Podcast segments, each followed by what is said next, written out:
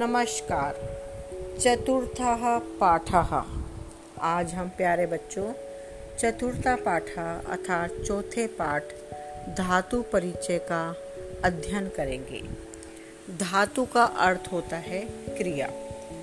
संज्ञा सर्वनाम से वाक्य क्यों नहीं बनते हैं? कर्ता के साथ क्रिया लगाओ, वाक्य तभी बनते हैं। जी, बिल्कुल सही बात है ये। जिन शब्दों द्वारा किसी कार्य के करने या होने का पता चलता है, उन्हें हम धातु अर्थात क्रिया कहते हैं। संस्कृत में इसे धातु कहा जाता है, हिंदी में इसे हम क्रिया के नाम से जानते हैं, और इंग्लिश में इसे हम वर्ब के नाम से जानते हैं। जैसे गम, जाना, पठ, पढ़ना इत्यादि। धातु रूप में पुरुष, वचन व काल के अनुसार चलते हैं। धातु रूपों के काल को हम लकार कहते हैं, अर्थात लकार के नाम से जानते हैं। धातुएँ दो प्रकार की होती हैं, अर्थात हमने धातुओं को दो भागों में विभाजित किया है। अपरिवर्तनीय धातुएँ। पहला है अपरिवर्तनीय धातुएँ, जो धातुएँ अपने मूल रूप से प्रयोग की जाती हैं, उन्हें अपरिवर्तनीय धातुएँ कहते हैं। सरल रूप से हम यह कह सकते हैं कि जो धातुएँ जैसी मूल रूप में होती हैं, वैसे ही उनका क्रिया में प्रयोग देखा जाता है, वो अपरिवर्तनीय धातुएँ होती हैं। तो आइए अब हम कुछ उदाहरण देखते हैं और उनका अर्थ भी जानते हैं। धातु पठ अर्थ पढ़ना, पठती एक पढ़ता है पठता दो पढ़ते हैं, पठंती अनेक पढ़ते हैं। लिख, लिखना। लिखती एक लिखता है, लिखता दो लिखते हैं, लिखंती अनेक लिखते हैं। हंस, हंसना। एक हंसता है हंसता दो हँसते हैं, हंसंती अनेक हँसते हैं। तो इस प्रकार ये सब धातुएँ बेटा अपरिवर्तनीय धातुएँ हैं। आगे देखते हैं कुछ उदाहरण। खेल, खेलना। खेलती एक खेलता है खेलता दो खेलते हैं खेलंती, अनेक खेलते हैं। खाद, खाना। खादती, एक खाता है। खादता दो खाते हैं। खादंती, अनेक खाते हैं। वद, बोलना। वदती, एक बोलता है। वदता दो बोलते हैं। वदंती, अनेक बोलते हैं। धाव, दौड़ना। धावती, एक दौड़ता है। धावता दो दौड़ते हैं। धावंती, अनेक दौड़ते हैं। चल चलना। चलती एक चलता है।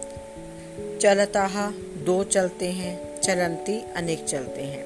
नम, नमस्कार करना। नमती एक नमस्कार करती है। नमता दो नमस्कार करती हैं। नमंती अनेक नमस्कार करते हैं। पट, रक्ष, रक्षा करना। रक्षति एक रक्षा करता है। रक्षता दो रक्षा करते हैं। रक्षंती अनेक रक्षा करते हैं। भ्रम घूमना। भ्रमति एक पहिया घूमता है। भ्रमता दो पहिए घूमते हैं। भ्रमंती अनेक पहिए घूमते हैं। वी जमा कस खिलना। विकसती एक फूल खिलता है। विकसता दो फूल खिलते हैं। विकसंती अनेक फूल खिलते हैं। तो बच्चों, ये सब धातुएँ हमारी क्या थी? आप अपरिवर्तनीय। अर्थात, जो मूल रूप में देखी जाती हैं, वैसे ही ये क्रिया के रूप में प्रयोग भी की जाती हैं। अब चलते हैं बच्चों परिवर्तनीय धातु की ओर। जिन धातुओं के मूल रूप को बदलकर प्रयोग किया जाता है, उन्हें हम परिवर्तनीय धातुओं के नाम से जानते हैं। जैसे गम जो धातु है, जिसका अर्थ होता है जाना, वह गच्छ में बदल जाती है। पा धातु का अर्थ है पीना, अर्थात यह धातु पिब में बदल जाती है। भू धातु का अर्थ है होना यह धातु भी भव में परिवर्तित हो जाती है। स्था धातु का अर्थ है ठहरना, रुकना, और यह भी अपने मूल रूप को छोड़कर तिष्ठ में परिवर्तित हो जाती है। अब अन्य कुछ उदाहरण लेते हैं। पा पा का अर्थ है पीना। पिब में बदल जाती है। पिबती एक पीता है पिबता दो पीते हैं, पिबंती अनेक पीते हैं। दृश्य पश्य, जो दृश्य धातु है, पश्य में बदल जाती है, जिसका अर्थ होता है देखना। पश्यति एक देखता है, पश्यता दो देखते हैं, पश्यंती अनेक देखते हैं। गम गम गच में बदल जाती है, जिसका अर्थ होता है जाना। गच्छति एक जाता है, गच्छता दो जाते हैं, गच्छन्ति अनेक जाते हैं। त्रि जो धातु है, वह तर में बदल जाती है, जिसका अर्थ है तैरना। तरती एक तैरता है, तरता दो तैरते हैं तरंती अनेक तैरते हैं। गई गई का अर्थ है गाना, और ये गाय में बदल जाती है। गायती एक कन्या गाती है, गायता दो कन्याएँ गाती हैं, गायंती अनेक कन्याएँ गाती हैं। नृत्य नृत्य में बदल जाती है, जिसका अर्थ है नाचना। नृत्यति एक बालिका नाचती है, नृत्यता दो बालिकाएँ नाचती हैं, नृत्यंती अनेक बालिकाएँ नाचती हैं। ग्रह धातु जिग्र में बदल जाती है, जिसका अर्थ है सूंघना। जिग्रति एक बालिका फूल सूंघती है। जिगरताहा दो बालिकाएँ फूल सूंघती हैं।